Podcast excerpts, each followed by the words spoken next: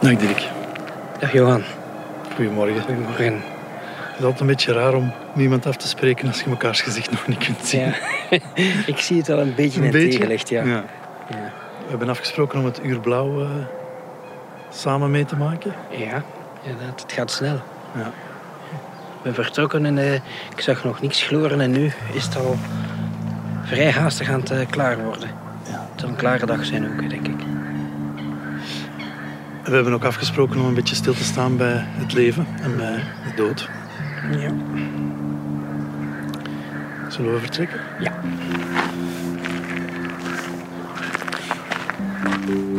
Nooit werd afscheid nemen van een dierbare zo beperkt. Nooit was verdriet zo moeilijk te delen. Dat zijn de verhalen van rouw die we in deze podcast proberen te vertellen. Vroeg in de ochtend, nog voor zonsopgang, praat ik met mensen die woorden proberen te geven aan het verlies. In de hoop dat met de zon ook echt een nieuwe dag kan aanbreken.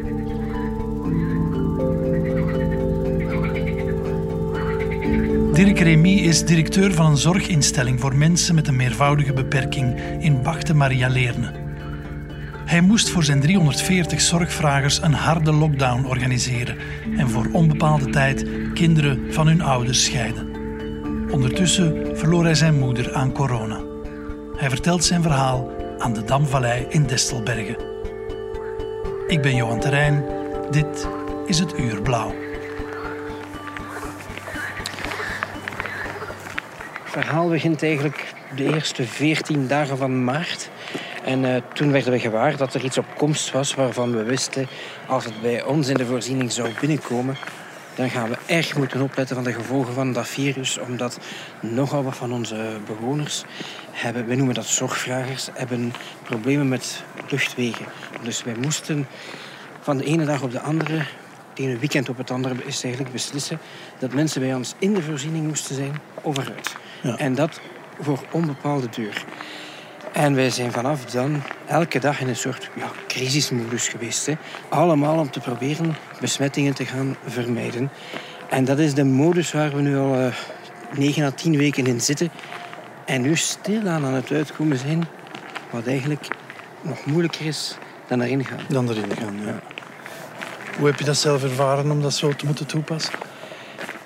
ouders van hun kinderen scheiden voor zo lange tijd zonder te weten waar, waar we naartoe moesten gaan, heb ik altijd genoemd van dit is een beslissing die je niet kan uitleggen.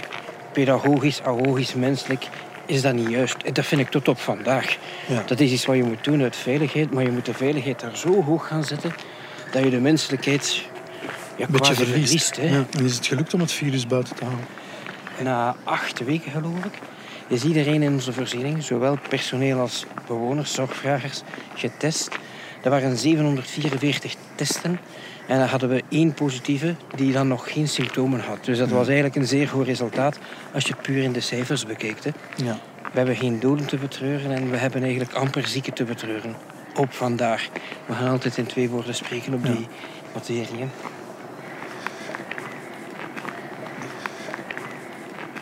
Dirk, je hebt dat eh, georganiseerd. Je bent daar, laten we zeggen, succesvol in geweest. Ook al was het tegen je gevoel in. Ja.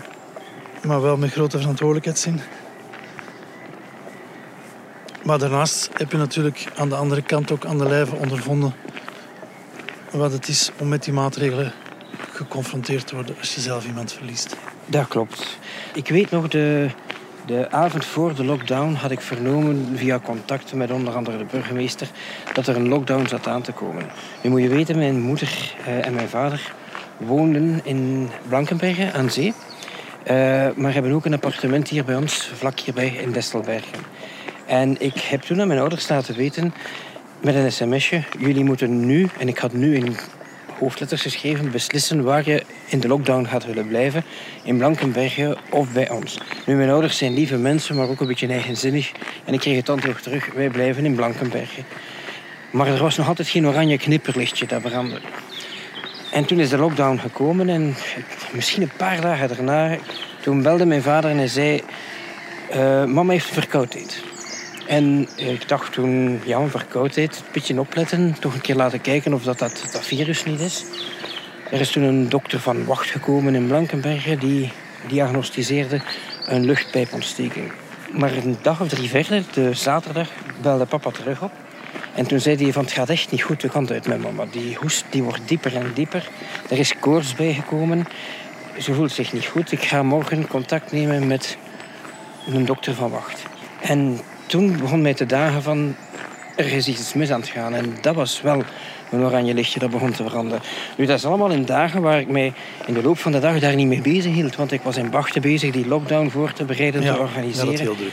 En toen heb ik eh, met mijn broer, ik heb één broer, hè, die heb ik geregeld van Jos, we gaan pa en ma moeten gaan halen. Want die gaan 14 dagen in quarantaine moeten. En wie gaat hun boodschappen doen, wie gaat hen verzorgen. Maar ik kan me haar niet omgaan, want ik mag niet in één auto zitten met hen. Ik werk in de zorg. Als ik een virus meepak, Ja. dan loop ik een risico dat ik dat binnenbreng in Bachten.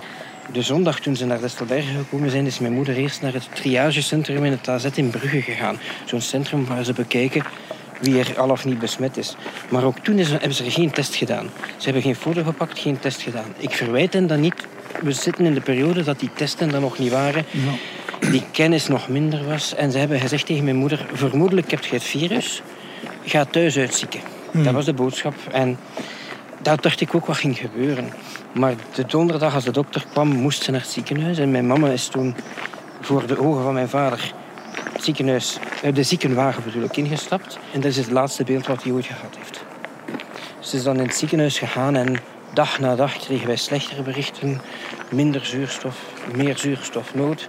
Van de covid-afdeling richting intensieve. Van intensieve beademd.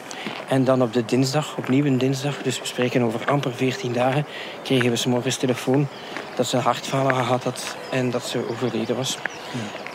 En het volgende beeld is dan de urne waarin mama zat.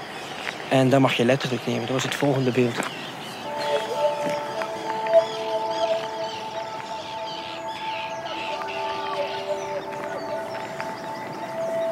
Als je de klok twee, maanden zou terugdraaien en je zou mij vragen...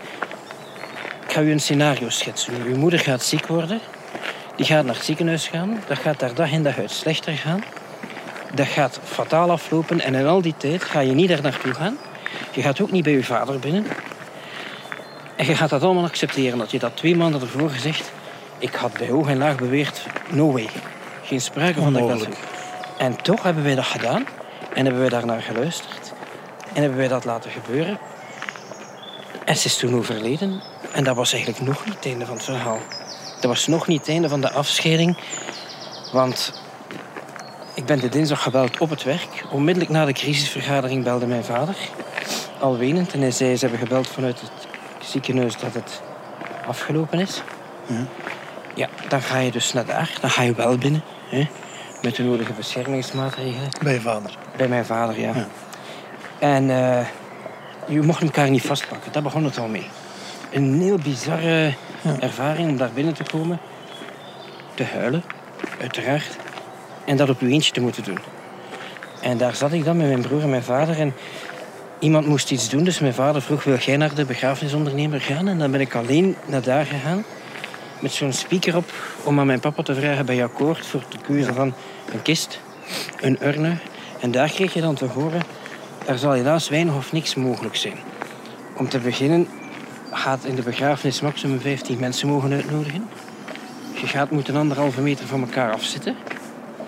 Je gaat geen koffietafel kunnen doen achteraf. En na de begrafenis gaat je eigenlijk ook niet bij elkaar mogen komen. Daar heeft de begrafenisondernemer geen zeggenschap over. Maar Dat mocht niet volgens Nee, de regels. En ik leg daar net uit, we gingen niet naar de kliniek, we waren zeer gehoorzaam. Hè? En dus in die vijf dagen tussen de- het overlijden van mama en haar begrafenis, vijf, zes dagen, was dat heel bizar. We hebben dat geregeld.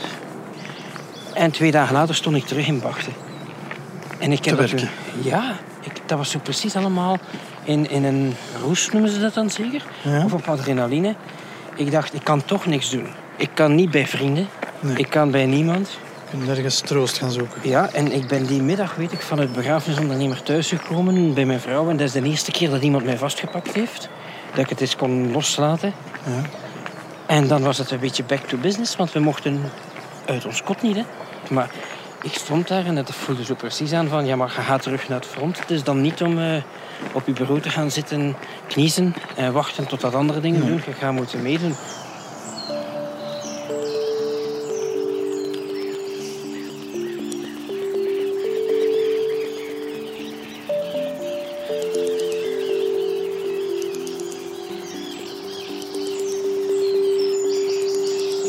Je schetste dat scenario van... Uh, zou, zou je me dat twee maanden geleden hebben gezegd? Ja. Dat we dat allemaal braaf gingen doen? Ik zou hebben gezegd onmogelijk. Mhm. Hoe kijk je daar dan nu op terug dat je dat toch gedaan hebt? Met ongeloof. Met ongeloof. Je zou denken... Je vraagt aan de ene kant aan je ouders in Bachten... om x aantal weken hun kinderen niet te zien... en je moedigt hen aan om dat ook te doen... en je bent dan blij dat mensen gehoorzaam zijn...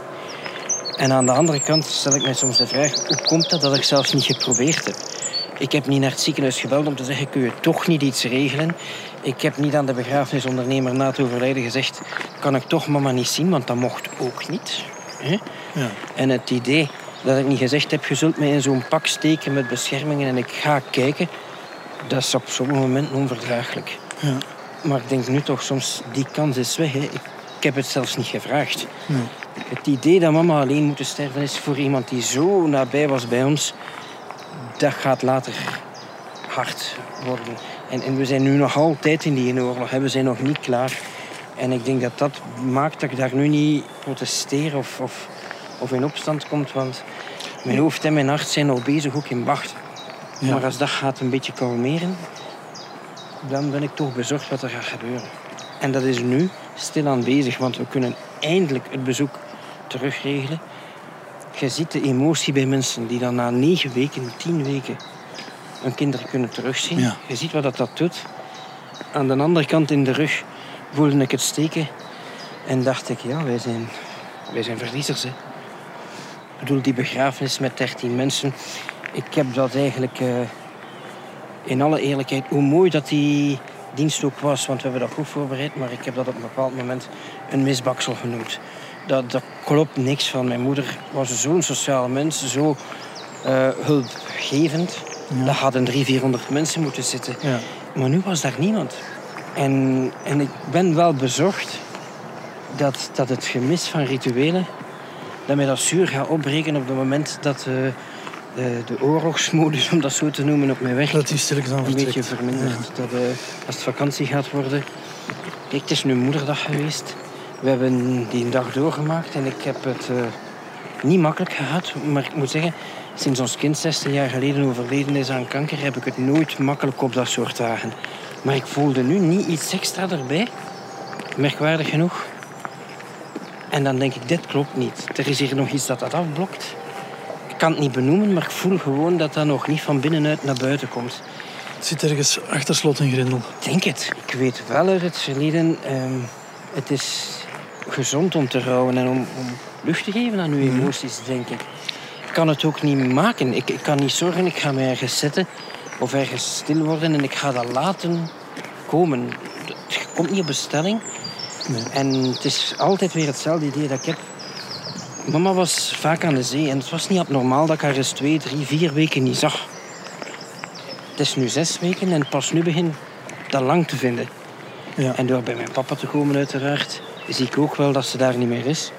Maar het idee van binnen te komen in het appartement en te weten... maar mama zal hier nooit meer zijn, is nog... Is daar nog niet. Het besef, het is voor altijd, is er nog niet. Nee, nee. En nochtans, En- het hoofd weet dat wel, hè. Ja, ja. ja. Maar het hart is niet hetzelfde. Na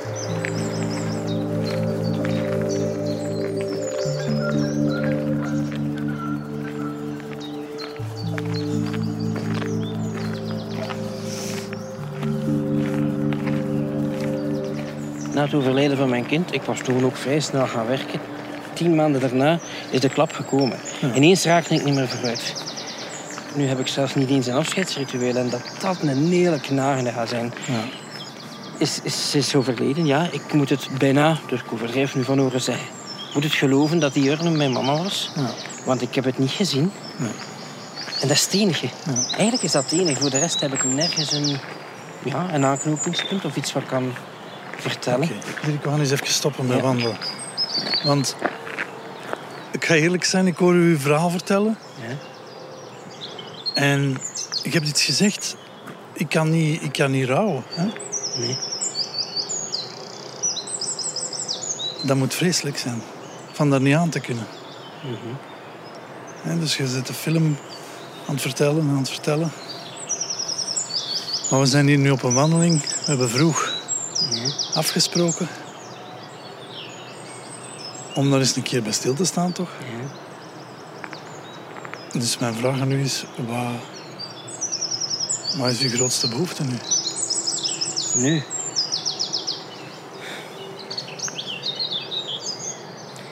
Ja. De klok terugdraaien. De klok terug, terug. Ja. Terugdraaien en, en Wat we dan anders gedaan? eh, bij mijn moeder geweest. Ja. Het zou niet gegaan zijn, maar... Maar zeker de laatste dagen, ehm, toen ze in de kliniek was... eh, dan heb ik het gevoel, ik heb mij weggestoken achter het werk. En ik, ik zou mensen bij mij willen uitnodigen. Ik zou een begrafenis willen organiseren met manieren. En, en, en niet wat we nu gedaan hebben, die, die halve schertsvertoning. God, dat is oneerbiedig, Johan, maar, maar zo niet op die manier. Ik, zou- ik zou mijn vrienden bij mij willen hebben en, en, en, en mogen, mogen wenen. Mogen wenen. Mogen wenen en, en, en dat niet hoeven weg te steken of het mijn eigen niet wijs te maken. Want dat is dan ook zo dat verdomde gevoel van als je in wachten bent, is het de bedoeling dat je er staat. Ik zou eigenlijk Bachtes willen kunnen loslaten ook. En ruimte geven aan het andere. Maar ik weet niet hoe. Ik weet niet wat ik moet doen. Nu, zo, zo- dit, is, dit zijn momenten. En nu wordt het lastig. Sorry hoor. Dat is helemaal niet erg. Ja, nu, nu komt missen binnen, want het is ook gewoon missen. Hè. Ze is weg, hè. Ik ben de hele tijd aan het vertellen geweest hoe het gegaan is, maar ik mis gewoon. Hè. Ik ga die nooit meer zien en dat was... Dat is verliezen en er dan, dan geen ruimte voor krijgen. Niet omdat mensen niet willen, maar omdat de samenleving dat nu niet, niet, niet vertraagt of, of dat niet veilig is, ja. Dus, sorry. Je hebt een groot offer moeten brengen hè, naar de samenleving eigenlijk. Ja, ja. Ik voel mij daarin eigenaardig genoeg ongelooflijk eenzaam en ook weer niet. Eh, er zijn daar zo 9000 zitten ondertussen. Hè. Dat zijn 9000 mensen die iets gelijkaardigs meegemaakt hebben. Ik vermoed al, als ik bezorgd ben om problematische gevolgen van de rouw, dan kan ik toch niet de enige zijn. Tuurlijk niet. Ik loop niet per toeval met u te praten. Het is kwart voor vijf. Bedoel, we, we staan hier toch niet voor niks. Je hebt het ook meegemaakt en, en het is bij u. Je hebt er iets mee kunnen doen. Ik, nee, ik moet Ja? voor u niet spreken, maar ik denk dat dat voor u ook een manier is van hoe moet nu met zoiets ongrijpbaars. Zeker, zeker. Ja. En terwijl dat je het zegt en we hier stilstaan, en er uh, vleermuizen rond onze kop vliegen, Ja. Komt dat bij mij ook binnen, hè, dat ik hem gewoon mis, mijn vader. Ja, hè.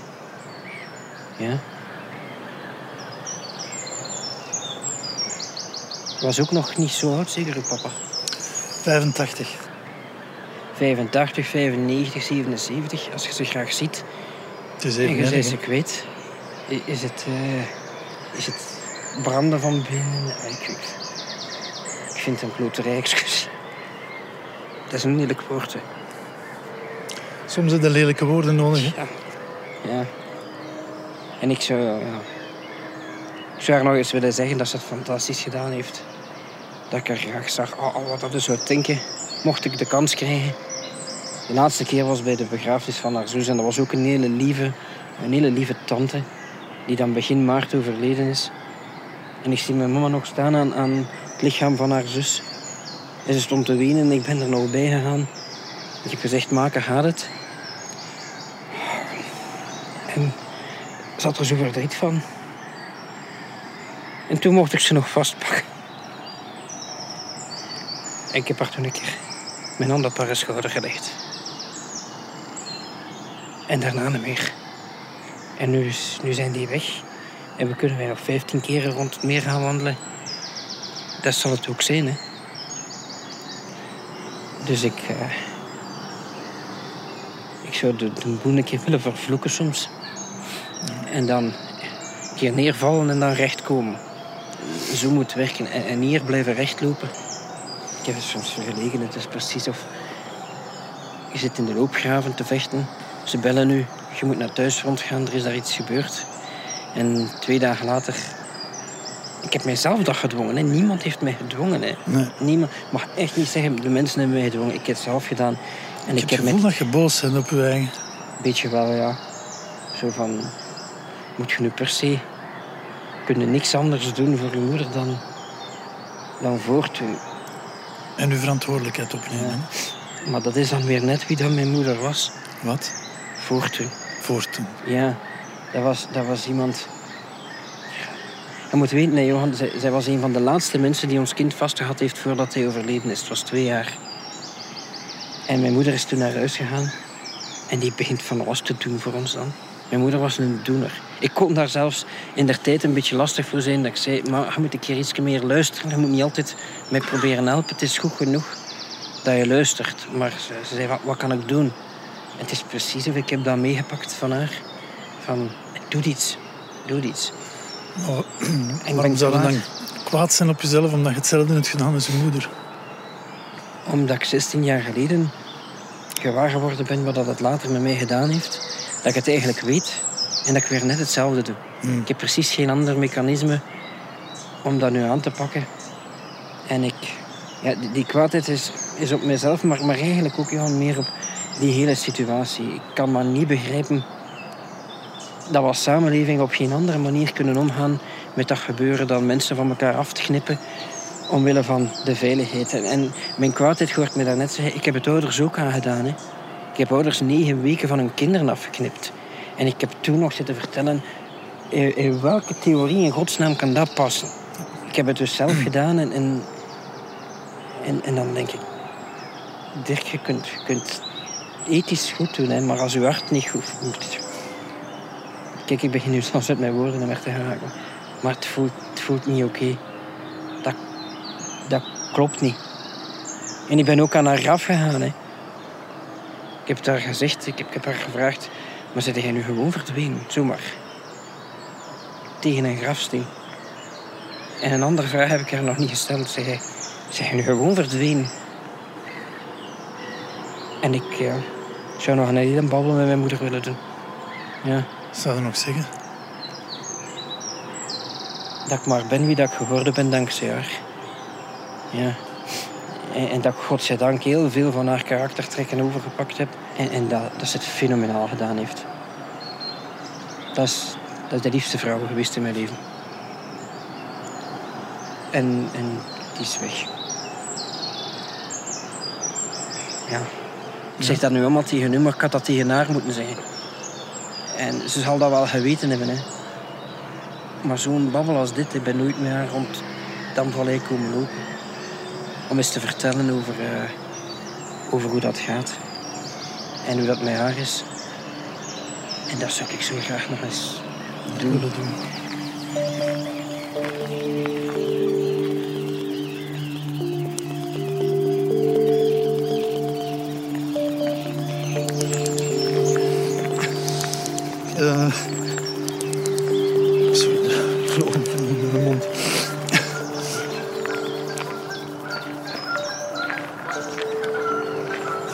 16 jaar geleden al eens een zwaar rouwproces doorgemoeten. Ja. En je zei, ja, ik vind het zo erg dat ik daar niks van geleerd heb. Ja. Ik, eh, En dat ik weer precies naar diezelfde muur aan het lopen ben. ja. Dat, Maar het is nog niet zo ver, hè, Dirk. Nee, nee, nee. Ik, ik denk dat, dat ik het niet zo ver ga laten komen deze keer. Want toen 16 jaar geleden... Er zijn verschillen tussen de twee situaties. En ik, ik denk dat dat gaat mij helpen. Een, een, een ouder verliezen blijft een, een proces dat vroeg of laat wel eens gebeurt. Dat is rechtvaardiger of zoiets dan een kind verliezen. Ja, en, en een, een kind afgeven. Want ik heb toen ah, tien maanden doorgewerkt. Maar als ik daar nu op terugkijk, dat was niet oké hoor. ook de kwaliteit van wat ik leverde was toen niet oké. Ik kon dat toen niet zien. Maar dat heeft dus geleid tot, tot een paar ja, conflict situaties, ook op de werkvloer. Dan een, uh, in elkaar stuiken. Ik ben toen ook van werk veranderd. En ik heb maar later kunnen zien van Dirk, je mocht dat geen twee keer doen. Dat is roofbouw plegen op en dan van jezelf denken, doe toch mijn best. Maar je laat niet toe dat, dat je door een, uh, door een put moet. En dat dan niet het moment is om te denken, nu moet ik er voor anderen zijn. En um, ik weet dat nu beter. Dus kijk, ik kom hier nu al wandelen. Dat heb ik 16 jaar geleden nooit op zo'n manier gedaan. Hmm. Maar er is één gelijkenis tussen die twee zaken. Ik denk dat dat is dan mijn boos maakt. Ik vond het overlijden van mijn kind niet rechtvaardig. Ik vind dat niet rechtvaardig. Ik vind de eenzaamheid van mama vind ik ook niet rechtvaardig. En het is daardoor dat dat weer blootkomt. Want 16 ah, jaar geleden dat heb ik een soort uh, ruimte kunnen geven in mijn leven. Dat is een verdriet dat ik meedraag, maar ik ben daar niet meer ongelukkig van. Ja. Maar, maar ik wist niet waarom dat, dat nu was. Toen mama overleed, dat ik daar plots weer zo'n brandend gevoel bij kreeg. En ineens daagde mij dat... Het is het onrechtgevoel. Onrecht. Dat gevoel dat dat niet, dat dat niet klopt. En, en, dat, en het onrecht in het geval van uw moeder is dat ze zo alleen is moeten sterven. Ja, dat is het, ja. ja. Maar mama die daar alleen moet liggen doodgaan en wij er niet bij, dat is het. Maar ik, ik denk ook dat we nu al een stukje... Ik ga dat woord niet, niet gemakkelijk gebruiken, maar herstellend bezig zijn of helend bezig zijn. Om te proberen... Uh, met die realiteit om te gaan. Maar de wereld is niet normaal. We zitten toch niet in een normale wereld. Ik ben hier gekomen. Ik heb u eerst gevraagd, moet ik geen mondmasker aan doen? Dat is... En dat gaat nog wel een tijdje zo zijn. Hè. Ondertussen zijn we bijna rond. Ja, en de zon gaat bijna opkomen ook. Je zegt, ja, dat rouwen, dat, dat, is nog, dat moet nog beginnen. Het is precies of ik heb een beeld van rouwen. En rouwen moet per se heel diep gaan en, en heel zwaar emotioneel zijn. Maar als ik een uur over mama vertel, is dat eigenlijk al bezig. En misschien is zelfs een stuk voor toen in Bachten ook rouwen. Is het, is het toen wat ik weet, voel, weten is dat niet hoor. Voelen van, moest mama hier nu zijn, die zou gewoon voortdoen en maken dat dat hier in orde blijft en dat we ons weren. Hè. Dat is een Gentse uitdrukking, u weren. Hè. U weren, ja. ja. En, um, en daarmee denk ik, het is niet zo Hetzelfde als 16 jaar geleden toen ik echt een soort blok had. En, en, uh, en, maandenlang in een soort roes geleefd heb.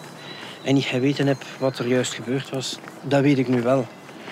Het is meer die hele context die vandaag zo bizar is. Die we nog nooit meegemaakt hebben. En ik, uh, ik kijk enorm uit naar het moment dat ik mijn goede vrienden terug bij mij kan hebben. En ik heb tegen Roland op een bepaald moment gezegd... En dan ga ik eens goed janken en dan moet hij me vastpakken. En en ik hoop dat dat niet nog maanden moet duren. Ja. En dat niet met een masker moet zijn. Ja. Zo'n paar mensen dat ik zeg van... Oh, wanneer ga je dat keer komen? En wanneer gaan we een keer kunnen klappen? En een keer kunnen zeggen dat ik, uh, dat ik een schat van een moeder kwijt ben. En nu zeg ik dat tegen u. En het doet ook goed. Ja.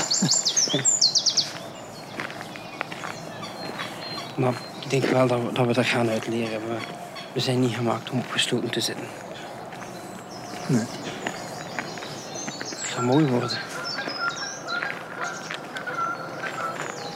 Zie je een klein gouden randje, denk ik. Door de bomen. Ja. Het gaat mooi zijn.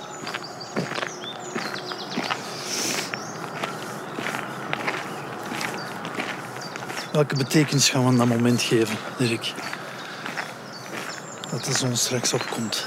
En dat we daar speciaal voor zijn opgestaan om ernaar te kijken.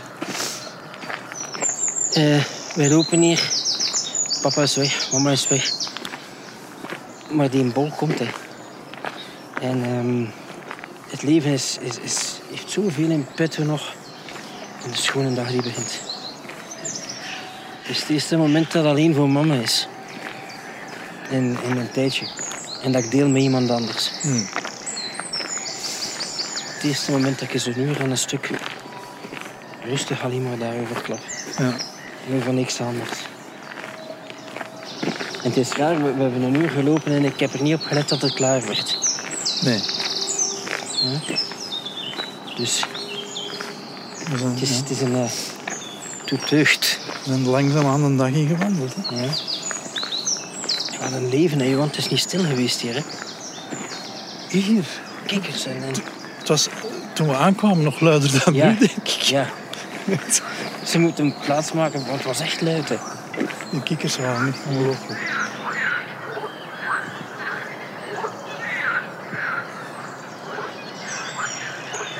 Als je nu een, een, ehm, een eerbetoon voor je mama zou mogen maken, Ja. Hoe zou dat klinken? Met woorden? Ja. Woorden is alles wat we nu hebben. Hè? Eén maar. Het woord dat, als je binnenkomt bij haar thuis, hangt daar het woord knuffel. Het moet niet meer zijn.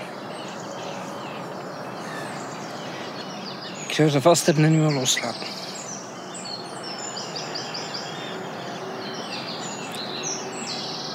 Het is juist dat we niet mogen.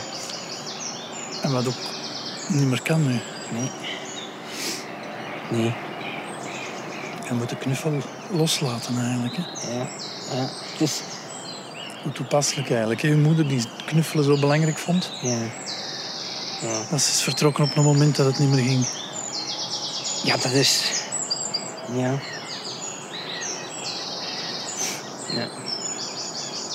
Is alsof dat mijn vader zou moeten gaan en dat er geen enkel grap mag gemaakt worden. Die man die maakt altijd grappen. Het duurt nog langer dan ik dacht, maar daar zie je soms na. ik denk dat de wolken een beetje in ons nadeel spelen. En het gaat nog van een heldere dag zijn.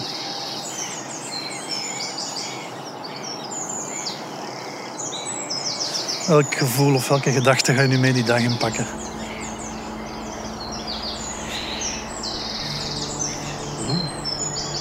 Het is een dag voor mama. En het is weer een dinsdag. Het is altijd dinsdag. Het is echt waar. Mijn mama is overleden op een dinsdag. Mijn zoon is overleden op een dinsdag. Mijn lievelingstand is overleden op een dinsdag. En dit eerbetoon is op een dinsdag. En het is nogthans niet doorgestoken kaart. Je hebt jij gevraagd. Kunnen we dinsdag Kunnen we afspreken? dinsdag, ja. Dus de dinsdag dat gaat door de dag voor mama zijn. En het is mijn moederdagscadeau aan haar.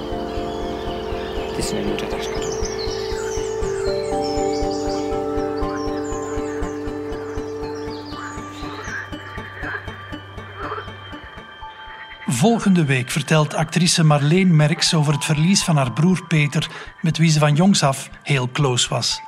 Het Uur Blauw is een podcast in samenwerking met De Morgen en Humo. Als je zelf je verhaal over rouw en verlies in tijden van corona kwijt wil, kan je mailen naar hetuurblauw.johanterrein.com. En wie weet, gaan wij dan ook eens wandelen.